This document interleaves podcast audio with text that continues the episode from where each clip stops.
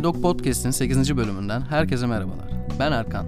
Ben Gaye. Podcast'imizin bugünkü konuğu Çukurova Üniversitesi İletişim Fakültesi öğretim görevlisi Özge Deniz Özker. Hocam hoş geldiniz. Merhaba, hoş buldum. Nasılsınız hocam, iyi misiniz? Teşekkür ederim, iyiyim. Siz nasılsınız? Biz de iyiyiz hocam, çok teşekkürler. Ee, biraz bize kendinizden bahseder misiniz? Tabii, ben 2017 yılından itibaren burada Çukurova Üniversitesi İletişim Fakültesi Radyo, Televizyon ve Sinema bölümünde öğretim görevlisi olarak çalışıyorum. Daha öncesinde İstanbul'da yine öğretim görevlisi olarak çalıştım ve onun öncesinde sektör deneyimim var.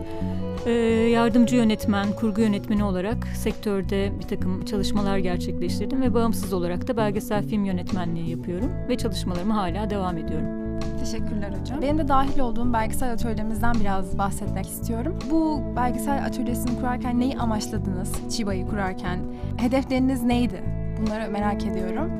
Çiba benim göz bebeğim. Buraya geldikten bir sene sonra 2018 senesinde kurduğum bir atölye. Kendi uzmanlık alanımda belgesel yönetmenliği olduğu için bu alanda öğrencilerin de üretim yapmasını istedim. Öğrencilerin ders dışındaki alanlarını değerlendirmeleri ve alana katkı sunmak üzere çeşitli hikayeleri belgesel aracılığıyla anlatmaları için e, bunu amaçlayarak böyle bir atölye tasarladım. Ve sonrasında çalışmalarımıza başladık atölye kapsamında. Pek çok farklı alanda çalışmalarımızı gerçekleştirdik. Bunlardan bazıları işte mekanlar ve yüzler, şehrin geometrisi ve kadın temalı üç farklı fotoğraf sergisi gerçekleştirdik. Onun dışında Aladağ'da etnografik sağ çalışması gerçekleştirdik ve burada atölye öğrencilerimizle birlikte yine kültürel antropoloji dersini alan öğrencilerin ortaklaştığı bir sağ çalışması yaptık ve burada beş ayrı etnografik film e, ortaya çıkardık. Bunları da Ankara Dil Tarih Coğrafya Fakültesi'nde gösterimlerini gerçekleştirdik ve söyleşi yaptık. Sonrasında yine belgesel alanında üretim yapmak zaten ders dışı alanlarını öğrencilerin aktif bir şekilde, verimli bir şekilde kullanabilmeleri için bir alan yaratmaya çalışıyorduk aslında ve bu e, alanda da özellikle belgesel alanındaki eksiklikleri tamamlamaları için sektörden belgesel yönetmenleriyle bir araya gelebilmelerini sağlamak için birinci Çukurova Belgesel Günlerini hayata geçirdik. Bu belgesel günlerinde pandemiden hemen önceydi. E, Mart 2020'de gerçekleştirdik ve e, sektörde uzun metraj belgesel çekmiş ve dünya çapında ün kazanmış, festivalleri dolaşan filmleriyle e, çeşitli belgesel yönetmenlerini burada misafir ettik ve öğrencilerimizle söyleşi yapmalarını sağladık. Yine kısa film alanında kısa belgeselleri üreten öğrencilerin filmlerini de festivalimizde belgesel günlerinde yer verdik. Onun dışında yine e, Sesli Betimleme Derneği'nin ortaklığıyla birlikte bir takım çalışmalar gerçekleştirdik. Bu çalışmalarda e, atölye öğrencilerinin sahada yaptıkları fotoğrafları, çekimleri Sesli Betimleme Derneği'nde görev alan öğrencilerimiz betimlediler ve görme engelli bireyler için de bir e, alan yarattık. Onların bunu deneyimlemelerini sağladık. Son olarak da senin de Gaye katıldığın Antakya Belgesel Atölyesi'ni gerçekleştirdik geçtiğimiz dönem. E, kültürel miras ve korumacılık teması kapsamında dört farklı belgesel film çektik. Beş günlük bir çalışmaydı. Dolayısıyla bunu öğrencilerin deneyimlemesi, alanda çalışması, ekip ruhuyla bir arada olmaları ve farklı e, başlıklarda belgesel üretmeleri bizim için önemliydi. Mustafa Kemal Üniversitesi işbirliğiyle birlikte yaptığımız bir projeydi. Dolayısıyla e, belgesel alanına yönelik olarak bu çalışmaları gerçekleştirdik ve gerçekleştirmeye devam ediyoruz. Yine önümüzdeki dönem içerisinde de belgesel gösterimlerimizle birlikte çalışmalarımıza devam edeceğiz. Evet hocam bu atölyeyle birlikte ben ilk defa katılıyorum biliyorsunuz pandemide katılmıştım. Yaptığımız etkinlikler gerçekten çok güzeldi. Özellikle Antakya Kültürel Miras projemiz bana çok fazla deneyim kattı. O yüzden bunu da söylemek istedim. Yani ben de bildiğim kadarıyla dahil değilim bu atölyeye ama takip ediyorum hem sosyal medyadan olsun hem de fakülteden olsun. Arkadaşım da zaten sizin atölyenizde. Ödül alan bazı öğrencilerimiz de sanırım oluyor. Mesela ben Ümit'i e, Eskişehir'de sanırım ödül almıştı. Yanlış hatırlamıyorsam, yanlış araştırmadıysam diyeyim. Yani misal e, fakültemiz bu konuda biraz sanırım şöyle. Geçen de Altın Koza'da Gülben Arıcı arkadaşımız Kennedy'nin Doğuşu adlı filmiyle ödül aldı. Ben buradan Altın Koza ve Türkiye'deki diğer festivaller hakkında size hani sormak istiyorum. Yani bu festivaller hakkındaki düşünceleriniz son zamanlarda çok fazla festivaller çıktı. Yani böyle işte Bozok Fest Film Festivali, e, Antakya Film Festivali vesaire. Bunlar hakkındaki düşünceleriniz, festivaller hakkında bu belgesel, kısa film vesaire. Yani çünkü bizim yani iletişim fakültesi öğrencileri olarak yani en çok bizi ilgilendiren şeyler aslında bunlar. Düşüncelerinizi merak ediyorum. Tabii şimdi daha önce belgesel atölyesinde gerçekleştirdiğim işte Ümit'in filminden bahsettiğin Yeryüzü Ayakları atölye kapsamında üretilmiş bir filmdi. Yine atölyenin ilk filmi olan Hasan Keyfe Ağıt, Fırat Erez'in yönetmenliğini yaptığı bir diğer filmdi. Özellikle bu iki belgesel film e, pek çok festivalde yurt içinde yurt dışında ödül aldı ve gösterim şansı elde etti. Dolayısıyla e, tabii ki özellikle sinema alanında üretim yapan insanlar olarak, sinemacılar olarak festivaller bizim için çok önemli mecralar. Çünkü e, filmlerimizin özellikle belgesel sinemanın izleyiciyle buluşabilmesinin en önemli mekanı olarak bakabiliriz. Tabii ki çok fazla sayıda festival var. Bunların bazıları uzun soluklu olmuyor ama bazıları köklü festivaller. Öğrencilerimiz bu köklü festivallerde de yer aldılar. Söylediğin gibi Kennedy'nin doğuşu benim Gülben'le birlikte çalıştığım, danışmanlığını yürüttüğüm ve mezuniyet projesi olarak yaptığı bir belgesel film çalışmasıydı. Daha önce Birhat Temel adlı öğrencimiz yine Vaveyla filmiyle yine mezuniyet projesiyle e, yine Altın Koza'da kurmaca dalında en iyi kurmaca film ödülünü almıştı. Dolayısıyla yaptığınız işin kıymet görmesi ve izleyicilerle buluşması kaldı ki öğrencilerimizin daha sektöre atılmadan sektörden insanlarla görüşebilmelerinin, tanışabilmelerinin ve bir ağ oluşturmaları için en önemli e, yerlerden biri festivaller. Hem yönetmenlerle bir araya gelebiliyorlar hem yapımcılarla. Festivallerin e, bazı festivaller yine pitching forumları düzenliyorlar. Yap, yapmakta olduğunuz henüz üretim aşamasındaki çalışmalara destek verebiliyorlar. Dolayısıyla oradaki yapımcılarla kurulan diyaloglar çok önemli ve bulunmaz bir fırsat. O yüzden festivalleri ben çok önemsiyorum. Öğrencilerimizin de orada yer alması bizi gururlandırıyor tabii ki ve öğrencilerimizin de kendilerine güvenini artırıyor ve motive ediyor. Yani üretmek için bir motivasyon kaynağı. Yani para ödülünün yanı sıra ki o da önemli bir şey. Hele ki öğrenciyseniz e, para e, akçeli ödüller de oldukça önemli ama onun dışında da orada bulunma, o atmosferi yaşama da çok önemli. Yine Altın Safran Belgesel Film Festivali de belgesel alanında önemli festivallerden biri. Bir diğeri dokümenterist. E, benim de zaman zaman jüri üyesi olarak yer aldığım festivaller bunlar. Dolayısıyla festivalleri çok önemsiyorum.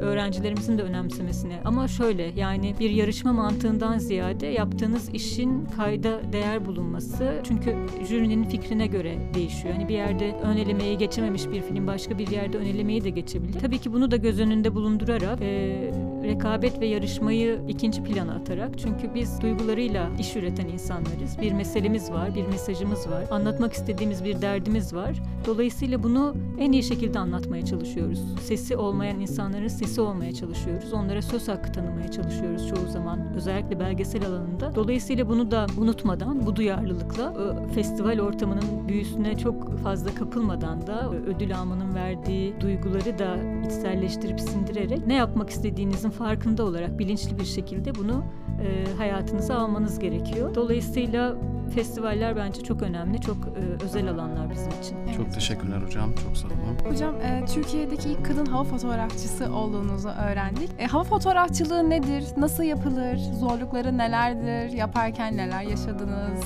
Hava fotoğrafçılığı yaptığım süreç benim 2005-2006 yıllarında başlamıştım. Ee, o dönem içerisinde çok aktif bir şekilde bu süreci tamamladım. Çok önemli işler yaptık gerçekten. Tek motorlu bir uçakla, e, Cessna 172 model bir uçakla çekimler yapıyorduk. 500 saatin üzerinde çekim tecrübem var havadan.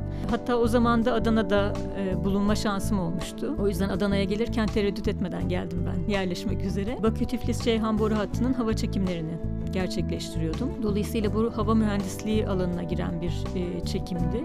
Yani hava fotoğrafçılığı dediğimizde belirli bir irtifadan belirli bir e, hava aracı kullanarak yapılan çekimleri aslında hava fotoğrafı olarak değerlendiriyoruz. Hani bu şu an günümüzde artık dronlar çıktı. Teknoloji çok hızlı ilerliyor. Dolayısıyla daha ucuz, daha düşük bütçelerle e, bu işleri halledebiliyoruz. Ama tabii ki bir hava fotoğrafçısının deneyimlediği o havada olma duygusu çok daha farklı. Dolayısıyla e, havacılık böyle insanın vücuduna giren ve dolaşan çok kolay da çıkmayan bir şey. Birlikte çalıştığım pilot arkadaşım o ben beni bu işlere sokan kişi aslında hatta e, master tezimi de ona adadım bundan kaynaklı hava fotoğrafçılığı hava fotoğrafçılığı ile ilgili e, hava soyutlamaları ile ilgili bir master tezi yazmıştım. Dolayısıyla beni bu alanla tanıştırdı. O şey derdi, aşı tuttu derdi havacılıkla ilgili. Çünkü havacılığa bulaştıktan sonra ben e, paraşüt lisansımı da aldım Eskişehir'de, Sivrihisar'da. Dolayısıyla çok kolay vazgeçebileceğiniz bir şey değil. Bu bir alan değil. Zorlukları elbette ki var. Çünkü ben 3,5 saate yakın bir süre boyunca belirli bir irtifadan hava çekimlerini gerçekleştiriyordum.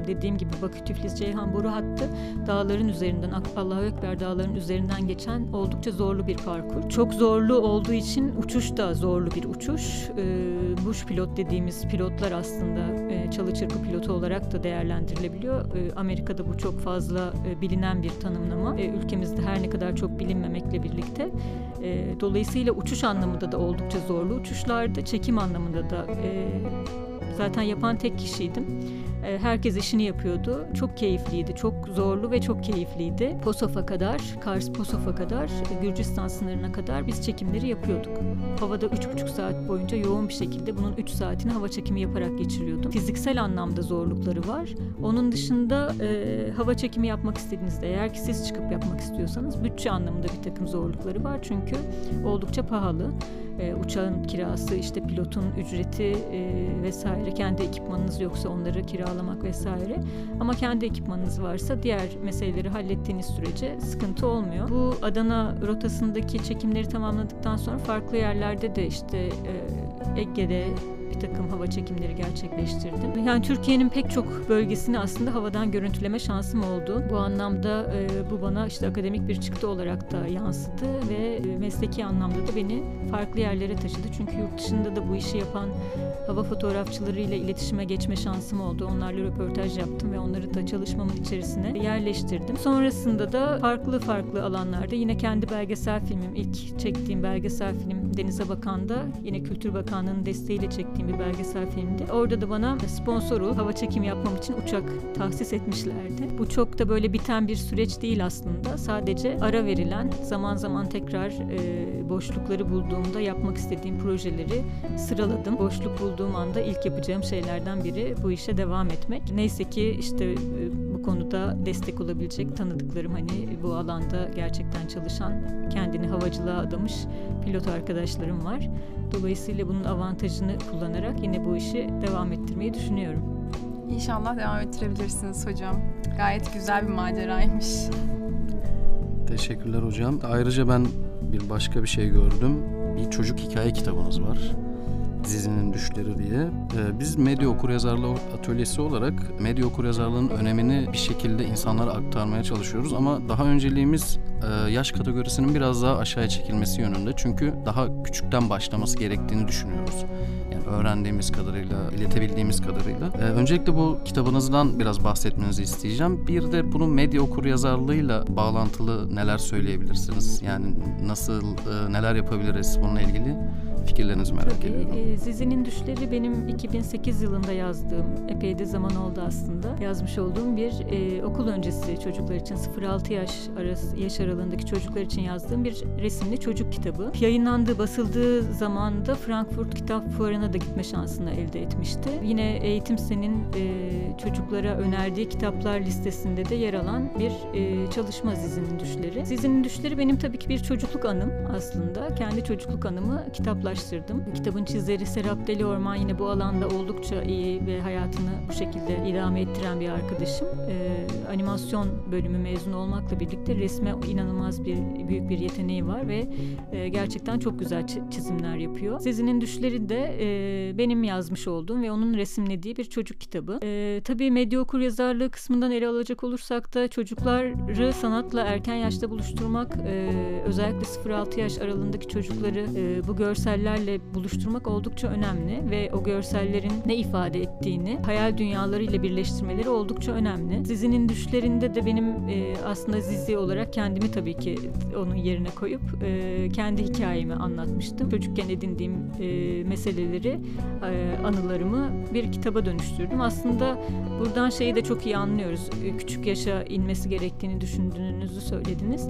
Evet çok haklısınız. Çünkü ben bütün yapmış olduğum aslında sanatsal üretimlerimde e, çocukluk dönemimden çok besleniyorum. Yani e, bu insanın ana vatanı çocukluğudur meselesi gerçekten oldukça e, önemli bir mesele. Hiç kopmadan o dönemden, o dönemde edindiklerimi, biriktirdiklerimi, işte ilkokul döneminde okuduğum kitapları vesaire hayatımın her yerine yediriyorum ve bunu e, devam ettiriyorum. Zizinin düşleri de çocukların, küçük yaştaki çocukların e, hayal dünyasını beslemesi ve e, resimle, resim geleneğiyle, kompozisyonla buluşmaları açısından oldukça e, etkili ve keyifli bir kitap aslında. Devamı da gelecek yine onun da. Benim böyle çok e, yapmak istediğim pek çok proje var. Onları böyle sıraya dizdim. Sırası geldikçe hepsini e, yapmaya, hayata geçirmeye çalışıyorum. Çünkü hayal ettiğim her şeyi yaptım bugüne kadar. Bundan sonra da e, hayal ettiklerimi gerçekleştireceğim yani o şekilde. Bu dizinin düşleri boşuna değil yani. Düşler kuruyorum ve hepsini sırayla gerçekleştiriyorum. Çünkü yaşamı böyle anlamlandırabiliyorum. Yaşamı böyle yaşanır kılıyorum. e, anlamlı kılıyorum ve yaşadığımı hissediyorum. Bundan sonraki süreçlerde de gerek Çiba e, belgesel atölyemizle e, gerek kendi kişisel projelerimle bu düşleri teker teker hayata geçirmeye çalışacağım. Umarım hocam çok teşekkürler katıldığınız için. Çok memnun olduk. Çok sağ olun görüşleriniz, konuşmalarınız, bize aktardığınız bilgiler ve fikirler için. Ben çok teşekkür ederim. Çok keyifliydi benim için de. Evet, bizim için de öyle keyifliydi. Programımızın sonuna geldik. Bir sonraki programımızda yeni konu ve konuklarımızla karşınızda olacağız. Hoşçakalın. Hoşçakalın.